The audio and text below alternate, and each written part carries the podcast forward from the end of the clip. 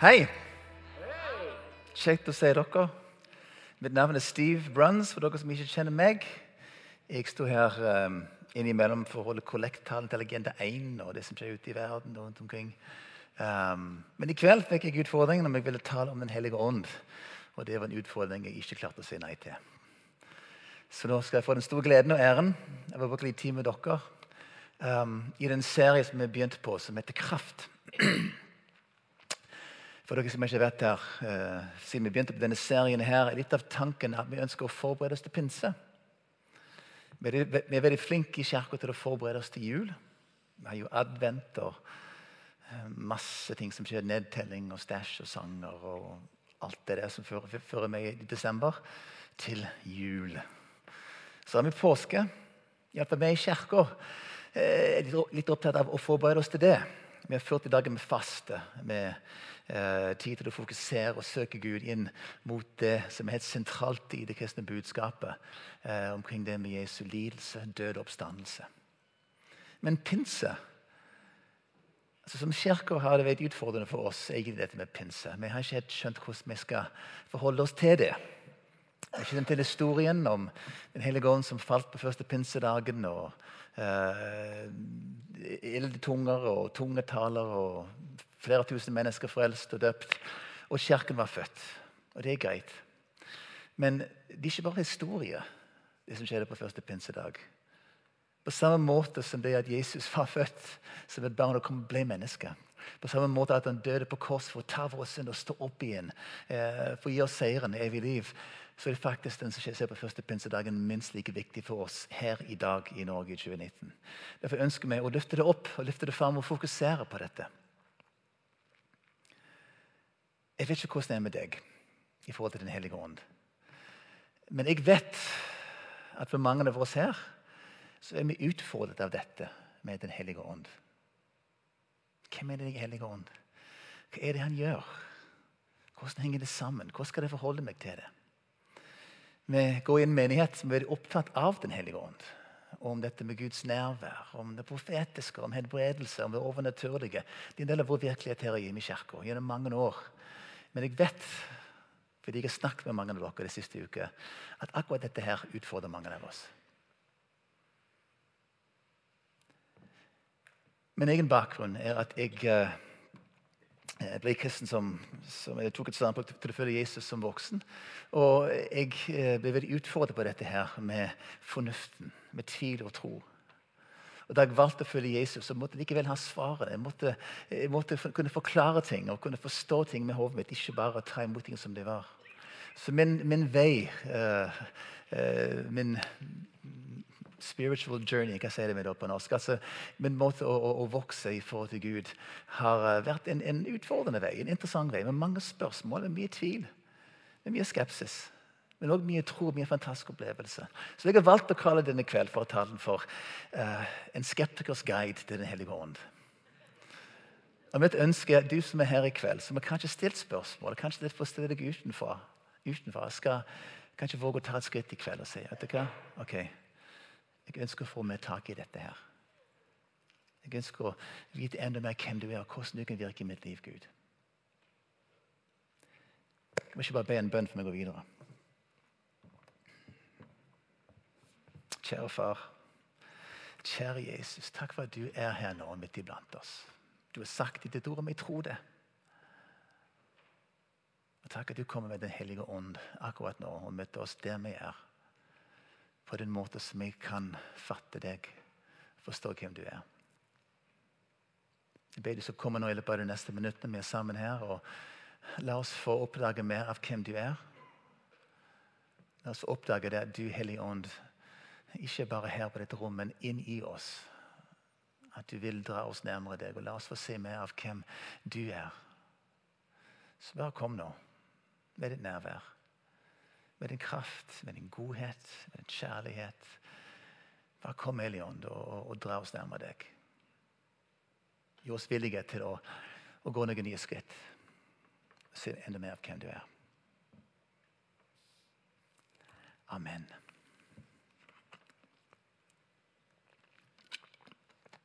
Jeg er altså amerikaner. Født inn en amerikansk familie. Mine foreldre var misjonærer i Japan, så jeg faktisk vokste opp mine ni første årene i en annen kultur i Japan. Så reiste jeg tilbake til USA og gikk i en helt sånn vanlig altså rett fram uh, metodistkirke. Jeg vokste opp med søndagsskole, med ungdomsarbeid og konfirmasjon.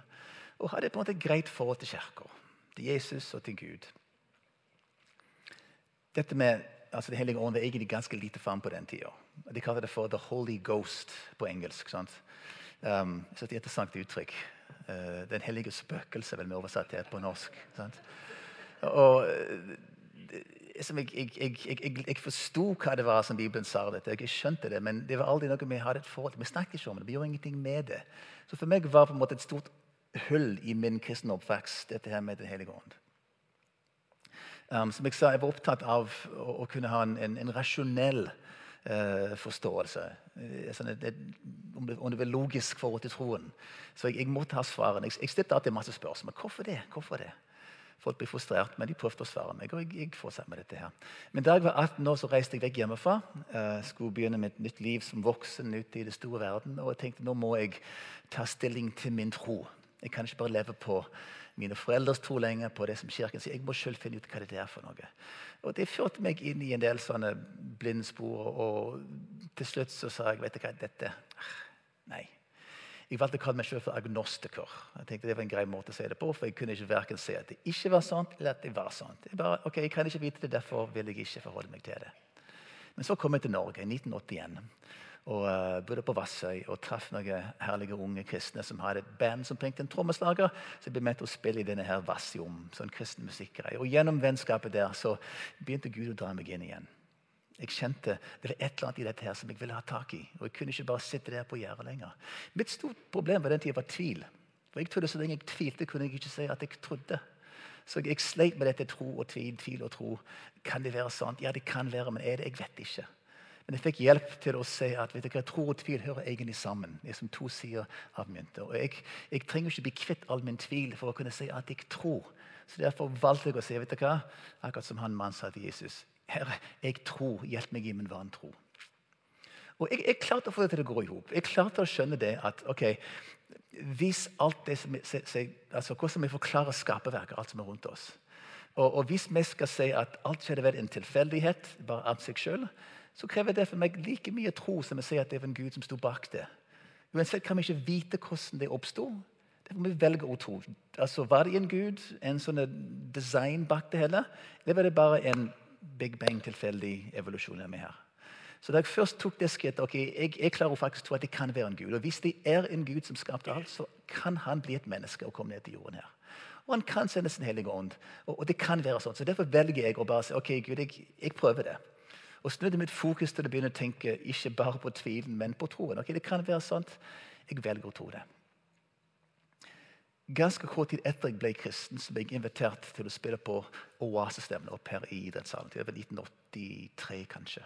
Etter de første oasestevnene her. Og På den tiden var det ganske spenstig her i Norge. For Den hellige ånd hadde kommet til Den norske kirke. For den tida var det pinsevennene som satt oppe i Sion som holdt på med babling i tunger. og det var... Men så plutselig var det Wow, hva er dette for noe? Så jeg tenkte mm, nysgjerrig, ok, dette skal jeg prøve meg ut på. Så jeg satt opp på scenen i konsert i, i idrettssalen og spilte med Lars Mørli og Petter Sandvall og de gamle, kule folk. Og, og, og, midt under et møte der så skjedde det som, som forandret mitt liv. Uten at jeg skjønte hva som skjedde. Plutselig, mens jeg spilte, så forsto jeg vet du hva? Det er noe annet her jeg tilbød Den hellige ånd.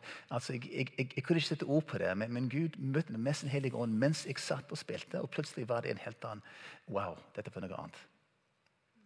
Men på det samme stedet der så, så skjedde det mange merkelige ting. Jeg husker Jens Petter Jørgensen sa, sto på scenen og sa Den hellige ånd kommer, jeg, jeg, kan se han beveger seg. Og jeg sier hvor? Jeg sier ikke det.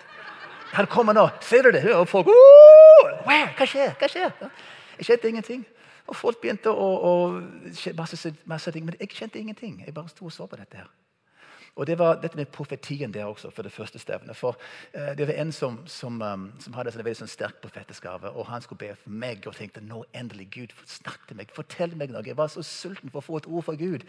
Og han lukket øynene og begynte å be for meg. Skjedde ingenting. Ingen som sa han. Jeg ser et murvegg Det er liksom ingenting. Og jeg tenkte kjære Gud, OK. Jeg er ikke åpen, jeg er bare murvegg. Jeg står her. Ikke, jeg, ja, ok, Greit. La de andre få tak i dette. her. Det er ikke for meg.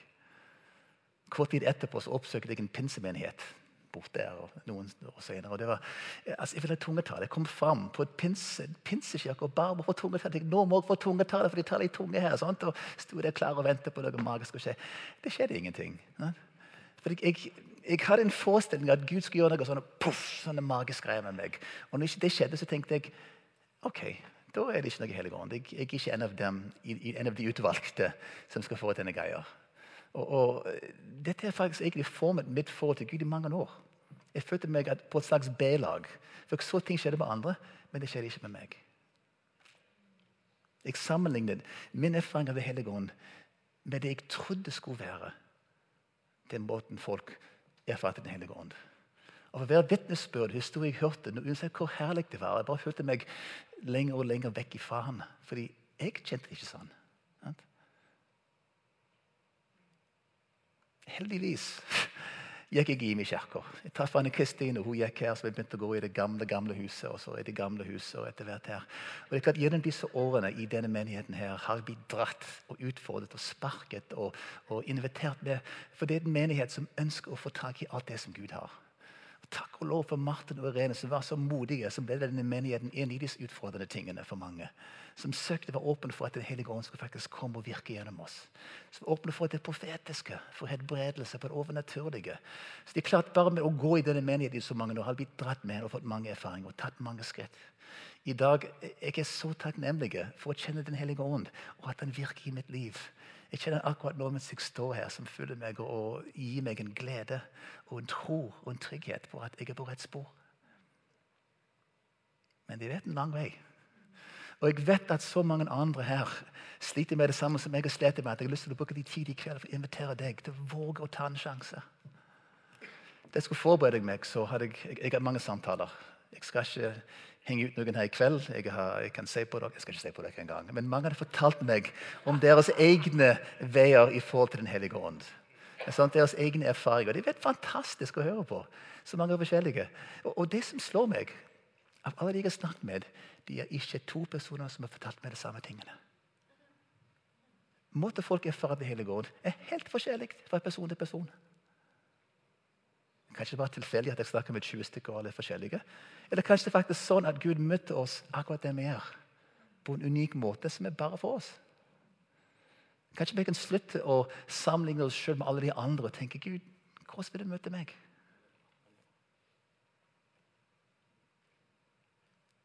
Så jeg har tenkt å bruke litt tid nå på å snakke både om min e- egen erfaring, men også om eh, hvordan jeg har erfart at Den hellige ånd, eh, hvem han er, og hva han gjør.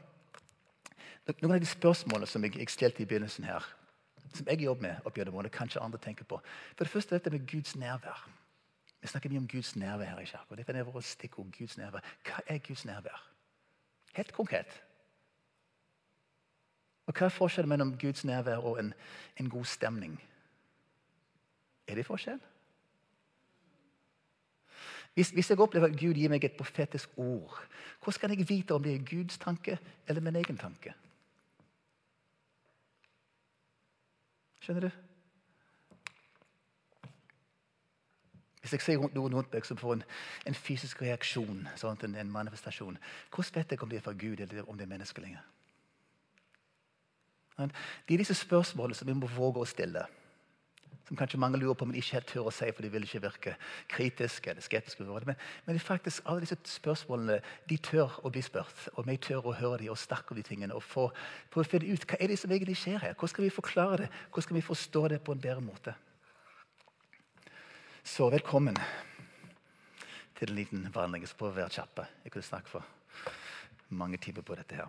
Det første jeg har lyst til å si, at denne her med Den hellige ånd handler om relasjon. Vi har en god far i himmelen som elsker sine barn. Han har skapt oss i sitt bilde. Det står at For så høyt elsket Gud verden at han sendte sin sønn den enbårne, for at hver den som trodde på han, ikke skal gå fortapt, men er evig liv. Gud har skapt oss, Gud elsker oss, Gud vil ha oss som sine barn. Som sine venner. Han vil ha en relasjon med oss. Vi er skapt til relasjon med den levende Gud. Det er det som er kjernen i evangeliet. Vi er ikke bare skapt til å vite at det er sant, vi er klart til å ha et kjennskap. Vi er klart til å vite hvem man er, og han vil vite hvem vi er. Altså, Det å tro på har vi ofte tenkt på som noe intellektuelt. Sant? Å tro at noe er sant. Nei, å tro på betyr uh, uh, å ha tillit til. Å ønske å satse på å bygge en relasjon til, et kjennskap til. Og Alt dette her handler om Den hellige ånd. Fordi Hvis Gud vil ha en relasjon til oss, så må han tale til oss. Jesus kalte Den hellige ånd for talsmannen. Og hvis han skal tale, så må vi kunne høre. Altså, Hvis Gud vil ha relasjon til oss som sitter her i kveld, hvordan skal han gjøre det? Altså, Gud den mektige som skapte himmelen og jorden, er ikke her i denne salen da. Hadde han kommet, så hadde de sikkert sprengt hele lokalet. i fjellet. Altså, vi kunne ikke tålt hans nærvær her. Jesus Kristus in person sitter ikke her i salen nå. Men de er her likevel. Hvordan? Med Den hellige ånd. Altså, Den hellige ånd er Guds måte å være til stede i verden på.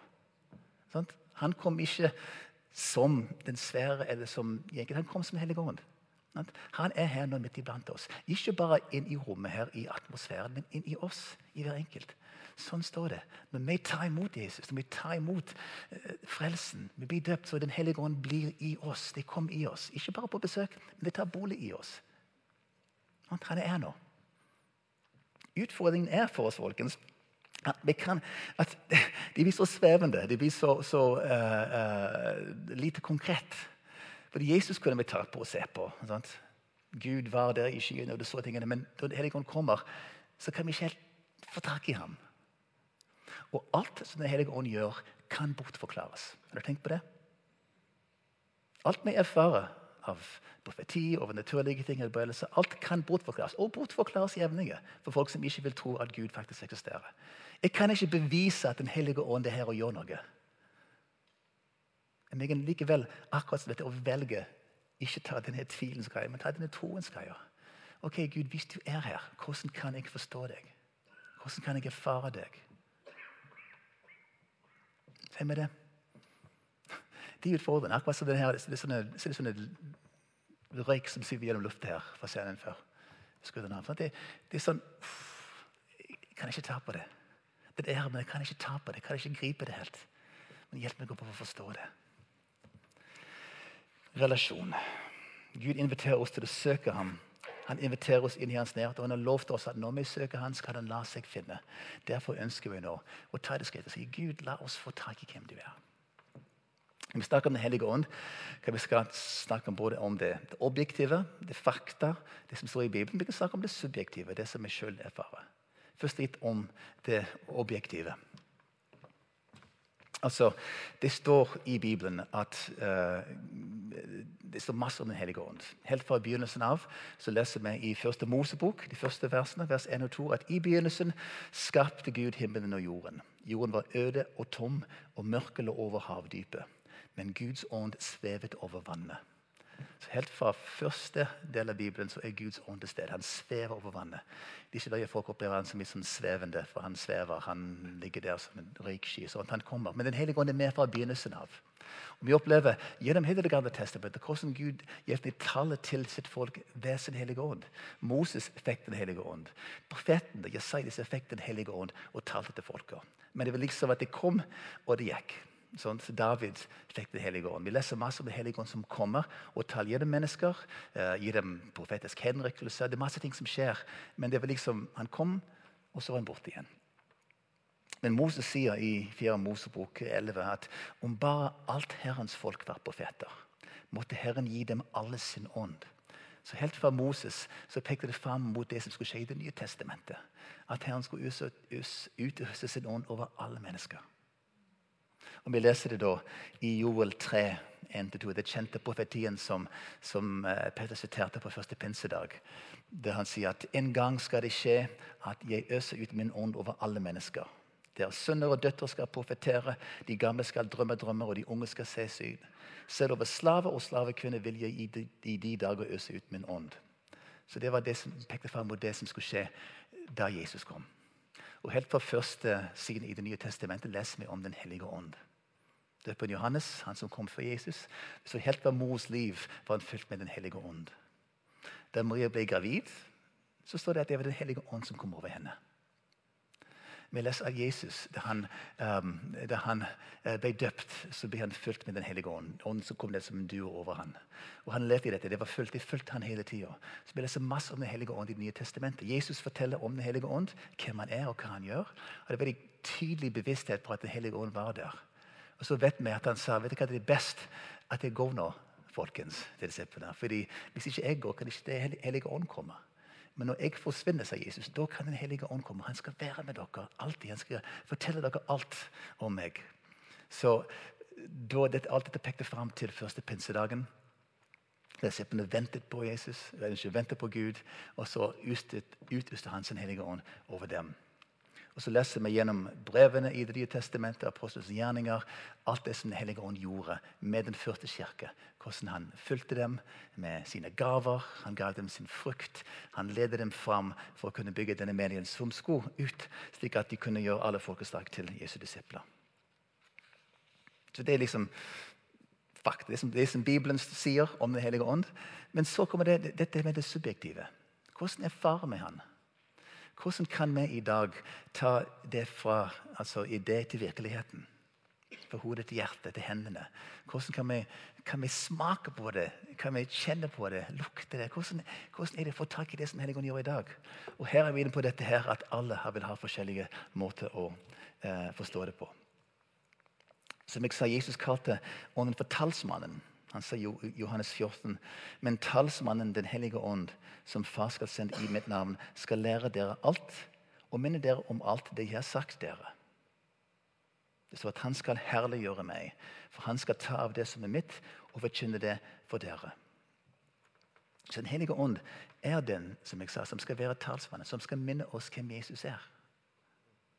Som skal gjøre at disse her fakta som står på i en bok, som faktisk blir sannhet for oss. Virkelig for oss. Har vi erfart det før? At vi har skjønt hvem Jesus er? At vi har fått en åpenbaring, en aha-opplevelse? Det er Den hellige ånd. Hvordan er det vi forstår Jesus? Hva betyr Jesus for meg? Er han bare en idé, eller er han faktisk en relasjon til han? Kjenner jeg at han elsker meg, at jeg elsker han? Det er Den hellige ånd som virker. Det står her at uh, han skal hjelpe oss, han skal trøste, han skal føre oss til tro. Han skal bevare oss i troen på Kristus. Alle disse tingene her som skjer, gjør at vi kan faktisk se at vi tror på Gud og lever i et forhold til han. Det er Den hellige ånd som virker og gjør Jesus levende for oss. Men det er ikke selvsagt forskjellig fra person til person. Og så er det åndens gaver spesielt eh, Paulus skriver om disse forskjellige gavene som Ånden gir til menigheten. Disse her overnaturlige gaver. Sånn som tungetaler, visdomsord, eh, kunnskap, helbrede, eh, gjør mektige gjerninger, tale profetisk, bedømme åpenbaringer, tungetale, tydninger, tunge. Alle disse tingene her vi, vi har lært om før. Disse her sånne, sånne sære ting som skjer i menigheten. De overnaturlige ting. Som, de ting vi ikke kan kontrollere. Det er åndens gaver som han gir til menigheten for at vi kan få tak i hvem Gud er. Men så snakker det også om åndens frukter. Om frukten av det livet. Ikke bare det som, som han kommer for å, å gjøre, men, men, hva vi skal se som resultat etterpå i våre liv. Og Det er et fantastisk vers i Galaterne 5, 22-23, som jeg skal komme tilbake senere. men bare leser det nå. Det Paulus sier, men Åndens frukt er kjærlighet, glede, overbærenhet, vennlighet, godhet, trofasthet, ydmykhet og selvbeherskelse. Hvordan er faren med dette her? Hvordan blir det en del av det som er oss? Hvordan kan vi ta tak i dette her, hver for oss? Når jeg har spurt folk hvordan de erfarer Den hellige ånd, helt subjektivt, så har det egentlig om som tre forskjellige områder jeg har sett. Det første er at det handler om, om tanker de får. Det neste handler om en sånn fysiske reaksjoner, måten de kjenner det på kroppen på. Og Det tredje er frukt eller resultatet av det som kommer.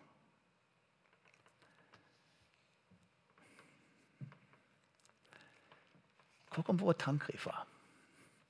Alle de tankene vi har i hodet. Hvor kommer de fra? Har du tenkt på det før? Er det slik at alle våre tanker er våre egne? Vi vet at vi hører ting utenfra, sånn som blir våre tanker. Vi vet at, at Gud kan telle, telle, til oss gjennom sitt ord. Når vi hører Bibelen, hører Guds ord fortalt, så kan Den hellige ånd komme og tale til oss utenfra og inn. Men han, han, han, han taler også innenfra. For disse aha-opplevelser som jeg nevnte, der vi hører et bibelord, plutselig blir det virkelig for oss. Eller vi, vi, er sammen med Gud, og så plutselig er det en sannhet som bare Wow! Wow det var sant. Det er Det hellige ånd som taler innenfra. Som tar et ord og gjør det levende for oss. Hva er det for kairos eller aha-opplevelse? Tankene vi får. Og Folk forteller de, de, forskjellige typer tanker. Altså Noen ser ting som, uh, som bilder når de søker Gud. Av og til får de konkrete ord. Um, jeg snakket med en her som fortalte at uh, hun er egentlig sa mannen sin. Han, han er sånn datanerd. og Når han skal søke Den hellige ånd, så ser han på en måte, på en måte ord som kommer over dataskjermen. som en slags rulletekst. Um, andre mennesker uh, kanskje får et bibelvers. Plutselig begynner på et bibelvers. Uh, andre sier at de får bilder. De kan se situasjoner eller ansikter. Um, jeg husker Før de hadde en øvelse med ungene, vi skulle prøve å forsøke Gud å tale til oss, og høre hva han sier, så skulle de se for seg et tomt lerret. Lukke øynene og se et stort, hvitt lerret. Og si ok, Gud, mal et bilde på det lerretet for meg nå. Og hva er det som dukker opp? Sant? Mange måter Gud kan plante tanker inn i våre hoder. Den hellige ånd kan faktisk gi oss tanker innenfra, som er betydning for oss sjøl og for andre. Vi snakker om profeti her. egentlig, ikke sant? At det profetiske handler om, om, det som Gud gir oss, som vi kan forstå og gi til andre. Nå er det slik at Mange har et ansteg forhold til ordet profetien. Det har jeg oppdaget etter hvert. Um, jeg snakket med en i går som sa at uh, hun snakket om hvordan hun hører Gud og hvordan hun taler og gjør ting. Men så sa hun at, altså, dette med profetien det er ikke for meg. Sånn? Vet litt nå. Ok, Gud taler til deg. Han gir deg tanker. Ja, men du vil ikke ha noe med profeti å gjøre. Nei, for det er sånn som folk forteller. De får sånne, sånne ord til noen på gata, og så springer de ut. Eller de får et telefonnummer. Sånt. Det er ikke for meg. Men, men, hvis vi skal tenke på profetien som alt det som handler om Guds måte å tale til oss, som jeg kan tale til andre, så kan det bli noe så hverdagslig som bare det å bli minnet om et, et bibelvers, et bilde, et ord. Skjønner du? At, at Vi må prøve å avmystifisere profetien. Vi må prøve å hverdagsliggjøre opp det profetiske. For hver enkelt av oss kan høre Guds stemme. Det er sant. Hvis du kjenner Gud, så kan du høre Han kan tale til deg. Han kan gi deg ting. Han kan gi deg bilder eller ord eller andre ting. Skjønner du det? Og Dette er profeti som vi snakker om. Nå er det slik at Enkelte folk i denne, denne menighet og andre plasser har en veldig skarp profetiske sans, som får utrolige bilder eller, eller, eller, ord som virkelig går inn og tenker wow, det var kult. Irene forteller om hun satt på bussen en gang og så ei dame, og så tenkte hun Hun fikk et ord til henne. Så jeg gikk bort og kjente ikke henne i det hele tatt. Hun sa vet du hva, nå, unnskyld, jeg, jeg, jeg, satt og, og jeg ba og tro på Gud. Og, og, mens jeg tenkte på deg, så opplevde jeg at Gud ville si til deg at, eh, at, eh, at din far i himmelen, han elsker deg. Så brast hun sammen i gråt og fortalte at faren hennes hadde nettopp dødd. Så det fikk en veldig god samtale med dette her, og hun, hun søkte fram til Gud gjennom dette. her. Eller han David Wagner som var her og fortalte. Han var på et sykehus sånt, og holde på å dø, og noen fikk et profetisk ord om et, et telefonnummer. Så ringte de det nummeret, viste seg det var et privatnummer til denne spesialisten som visste akkurat hva som skulle skje for å kunne behandle han så han skulle overleve. Sånt. Helt sånn sprø ting sånt, som skjer. Folk får disse her sånn wow, Hvordan i all verden kunne de vite det? Det må være Gud. Men det som gjør, det som jeg ofte gjør, jeg måler mine ord og mine erfaringer for å høre Gud opp mot disse her borte. Og Disse er bare så hinsides at jeg kan ikke tenke meg å komme dit. Og tenke, ok, Hvis det er profetien, så er jeg ikke profetisk. Men det er ikke det som er saken. For alt det som Gud taler til oss, er profetiene. Alle vi kan høre hva han sier. Vi må bare velge å tro at de ordene vi får, de vi får, er faktisk ord fra Gud som kan ha betydning for oss sjøl og for andre.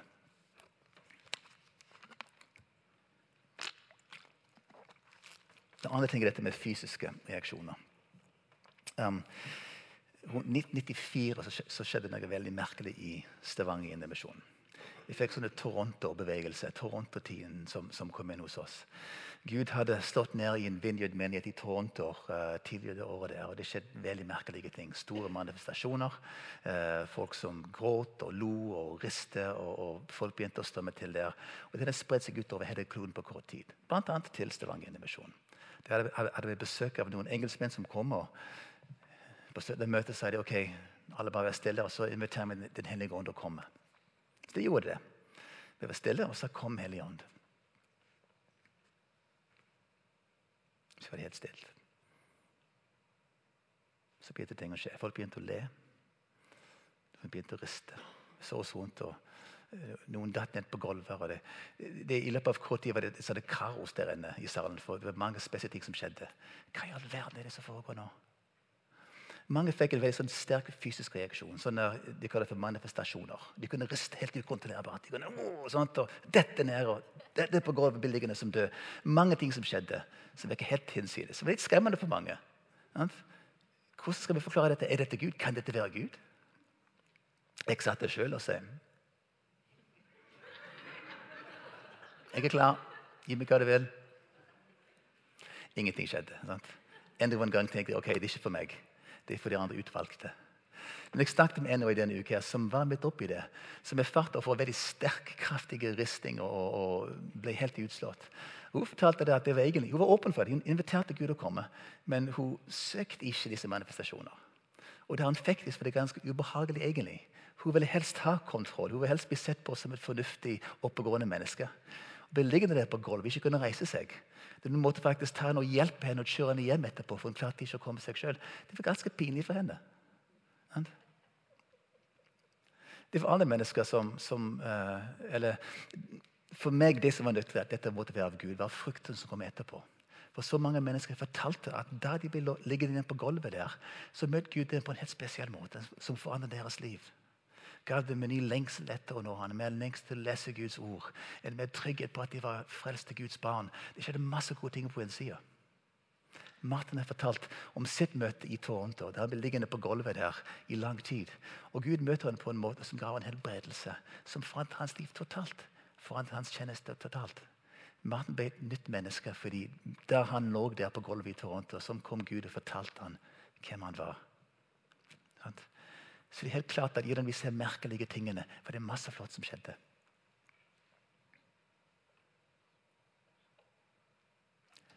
Etter hvert så har det jo det, det, det ble en slags bølge som etter hvert ga seg litt. Og, og uh, Vi ser det fortsatt av og til på våre konferanser og møter. Men, men det, det, er ganske lite, det er mye mindre enn det var før.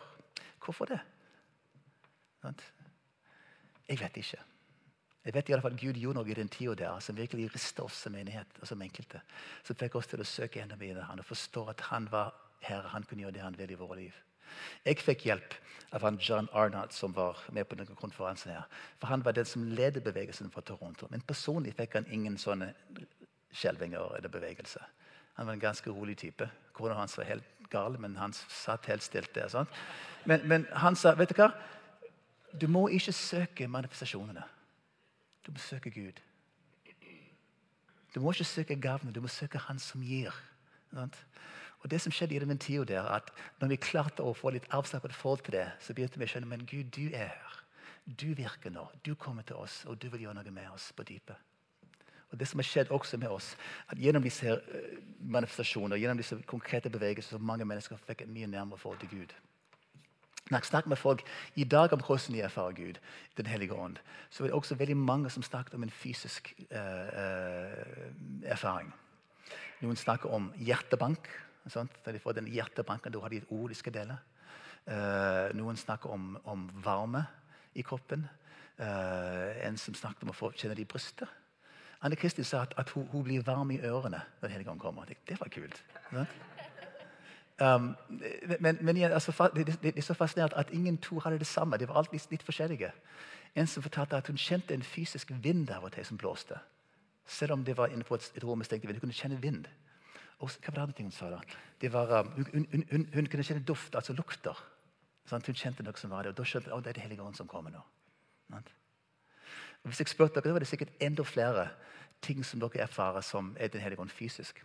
For min del jeg sa at jeg fikk ikke disse skjelvinger, men det jeg skjønte etter hvert, at jeg fikk sånne frysninger når Det hellige ånd kom.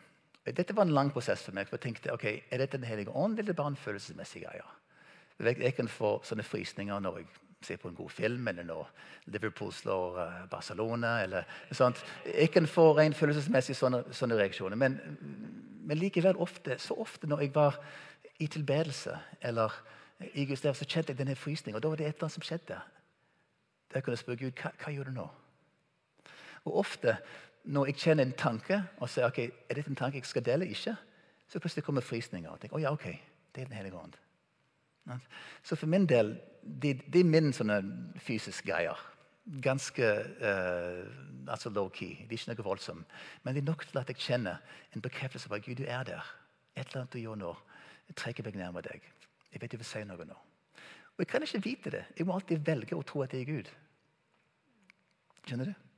Men, men av og til vi er så opptatt av de store tingene at vi glemmer at Gud kan tale helt ordentlig, helt stilt, helt inn på en måte som bare vi forstår at han er der. Det siste jeg vil si nå, at, uh, som vi erfarer Den hellige ånd, handler om, om frukten, eller resultatet av det som kommer. Og Hvordan skal vi vite at det er Gud? Og de fruktene som kommer etterpå. Sånn som i Toronto-tid, når de blir liggende på gulvet. Når de reiser seg opp, så har de fått en ny tro.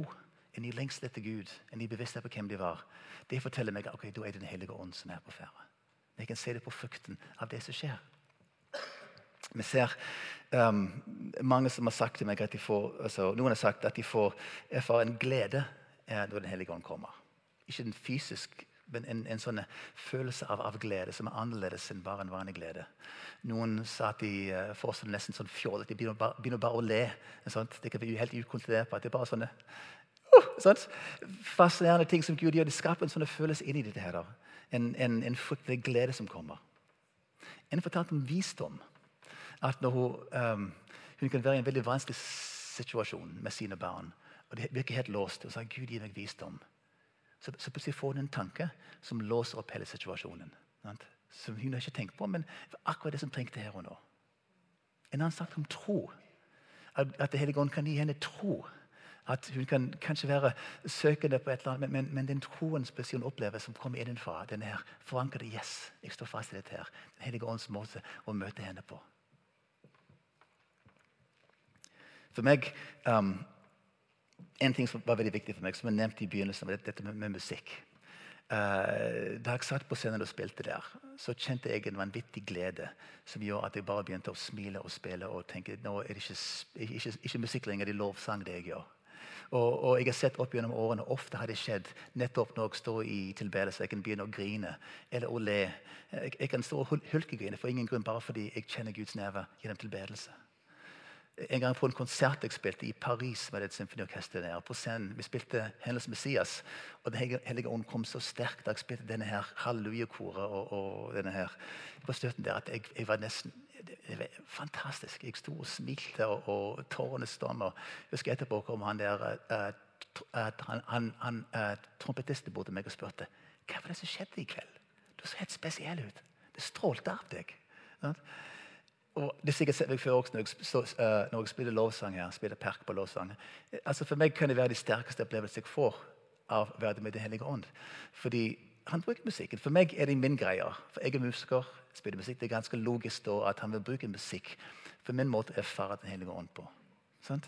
Og, og, Det er ikke en fysisk følelse. Det er ikke et ord, men det er bare en opplevelse av Wow, nå er du her, Gud. Nå kan jeg tilby deg med alt jeg har. Nå kan jeg prise deg og gi deg Å, takk, Gud. Sant? Ser, det, det, er så mange forskjellige måter å, å gjøre dette på at det kan ikke gi deg oppskrift. Men hele poenget er å søke Gud. Gud, hvordan vil du at jeg skal erfare deg? Vi snakker om Guds nærvær. tilbake til Hva er det for noe? En slags fornemmelse at Gud er her. Det kan være fysisk. Vi ser frysninger eller andre ting. Det kan være tanker som kommer. Men forskjellen mellom Guds nærvær og en god stemning, det er frykten. Blir jeg mer glad i Jesus? Har jeg mer sult i forhold til han? Vil jeg komme nærmere han? Kjenner jeg at det er et eller annet her som jeg må få tak i? Da er det Den hellige ånd som virker i deg. Da er det ikke bare en god stemning lenger. Da er det Den hellige ånd som er her midt iblant oss, som drar oss nærmere han.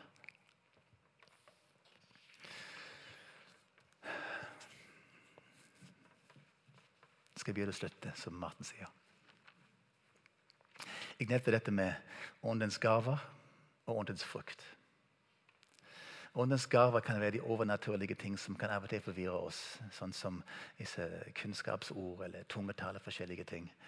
Som han gjør for å, å, å komme i kontakt med oss. Men åndens frukt, det er det som er resultatet av det. Vi må ikke søke eh, bare det overnaturlige, den sensasjonen. Vi må søke å få tak i den frukten som Han vil gi oss, som vil forandre våre liv. Paulus snakker om kjærlighet, om glede, fred, overbærenhet, vennlighet, godhet, trofasthet, ydmykhet, selvbeherskelse. Alle disse tingene kan vi med litt ekstra innsats få til i våre liv. Men når vi er for at disse tingene dukker opp kanskje litt uventet, så er det, så er det Den hellige ånd som er på ferde. Jeg så fortalte meg om situasjonen situasjon i skolen på et møte med en veldig, en veldig vanskelig eh, samtale du måtte ha. En person som hun syntes ikke noe særlig om og var frustrert over og litt sånn irritert. Sukket og kom inn på møtet, og så plutselig opplevde hun mens hun snakker, så kommer det en overbærenhet. Der frustrasjonen bare forsvinner. Hun kjenner en, en, godhet, et ønske om å hjelpe denne personen. her. Så tenker jeg, hjelpe meg, hvor kom den ifra? Å ja, det var åndens frukt. Gud ga meg det jeg trengte akkurat her og nå. Hva med kjærlighet? I uh, første Korinterbrevet, kapittel 12, snakker Paulus om alle disse her offentlighetshullige gaver. Og han, han, vil at vi skal søke dem. Han vil at vi skal søke det profetiske. Vi skal ønske å de, tunge, de tingene der. Han sier til slutt i siste verset streb etter de største nådegavene. Men da sier han dette her. Jeg vil også vise dere den vei som er den aller beste. Og så kommer 1. Korintene 13, kjærlighetens høysang. Den snakker om hvor fantastisk kjærligheten er.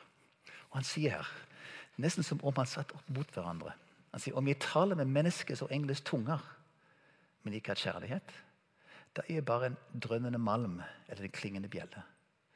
Om jeg er profetisk gaver, kjenner alle hemmeligheter og eier all kunnskap, om jeg har all tro så jeg kan flytte fjell, men ikke har kjærlighet, da er jeg intet. Om jeg, om jeg gir alt jeg eier, til Kambodsja, nei, til brød for de fattige Ja, om jeg gir meg selv til å brennes, men ikke har kjærlighet, da ganger det meg intet. Ser vi det? Han utfordrer oss til å strebe etter å få de gavene. Samtidig det er ikke det som er greia. Det er frukten av det. Det er den kjærligheten som Gud gir oss. Den hellige ånds kjærlighet gav i oss. Det er ikke det som vi kan prestere, men det vi kan ta imot den kjærlighet som Gud gir oss. Han elsker oss så mye. Og leve i det og gi det videre. Det er Den hellige ånd. Hvis du er fattig, så er det Den hellige ånd som virker gjennom deg. Du må ikke ha alle disse store gaver og greier. Det er flott. Det skal, det jeg lengter se enda mer på profetien i menigheten. her. Enda flere historier fra busser og fra torg og fra andre plasser og telefonnummer som kommer. Yes, Jeg vil ha mer av det. Vanvittige helbredelser som gjør folk blir helt forundret. Jeg vil ha alle disse tingene her. Men hvis vi ikke har kjærlighet, så bommer vi. Og det er det vi ønsker å se. Den kjærligheten. Den godheten som lever gjennom oss. Det er Den hellige ånd i deg, i meg, i oss. La det flyte. La det komme. Ta imot det han gir deg. Ikke sitte og vente at det skal være sånn som han eller hun eller de eller han. Nei. Den hellige ånd vil deg akkurat det du er, på den måten som passer for deg. Han inviterer deg til å søke han enda mer. Mer av deg, Gud. Fostre mer av hvem du er. Virke i meg, virke gjennom meg. Gi meg den frukten, den kjærligheten. Kjære far, takk. Takk at du elsker så vanvittig mye. At du sendte din sønn her. Og takk at du stoppet ikke med det, men du sendte Den hellige ånd. Slik at vi kunne leve i dette her hver dag. Gud, vi ønsker å få enda mer av deg. Vi ønsker å få se hvem du er. Vi ønsker å få tak i dine tanker. Vi ønsker å få tak i din kraft, din kjærlighet, din godhet. Alt som kommer nå, Gud. Jeg bare ber at du skal hjelpe oss her og nå mens vi sitter og være åpne for hva du vil gi oss. La oss søke deg, Gud. Kom, Herre. Mer av deg, Gud. Kom, Hellige Ånd. Bryt ned våre vrangforestillinger. Ta vekk vår frykt. Ta vekk skepsisen og tvilen som holdes vekk fra deg. Og La oss bare åpne opp nok til å slippe deg inn og skjønne det. Du, du, du er allerede her, Hellige Ånd. Jeg vil ha enda mer av deg.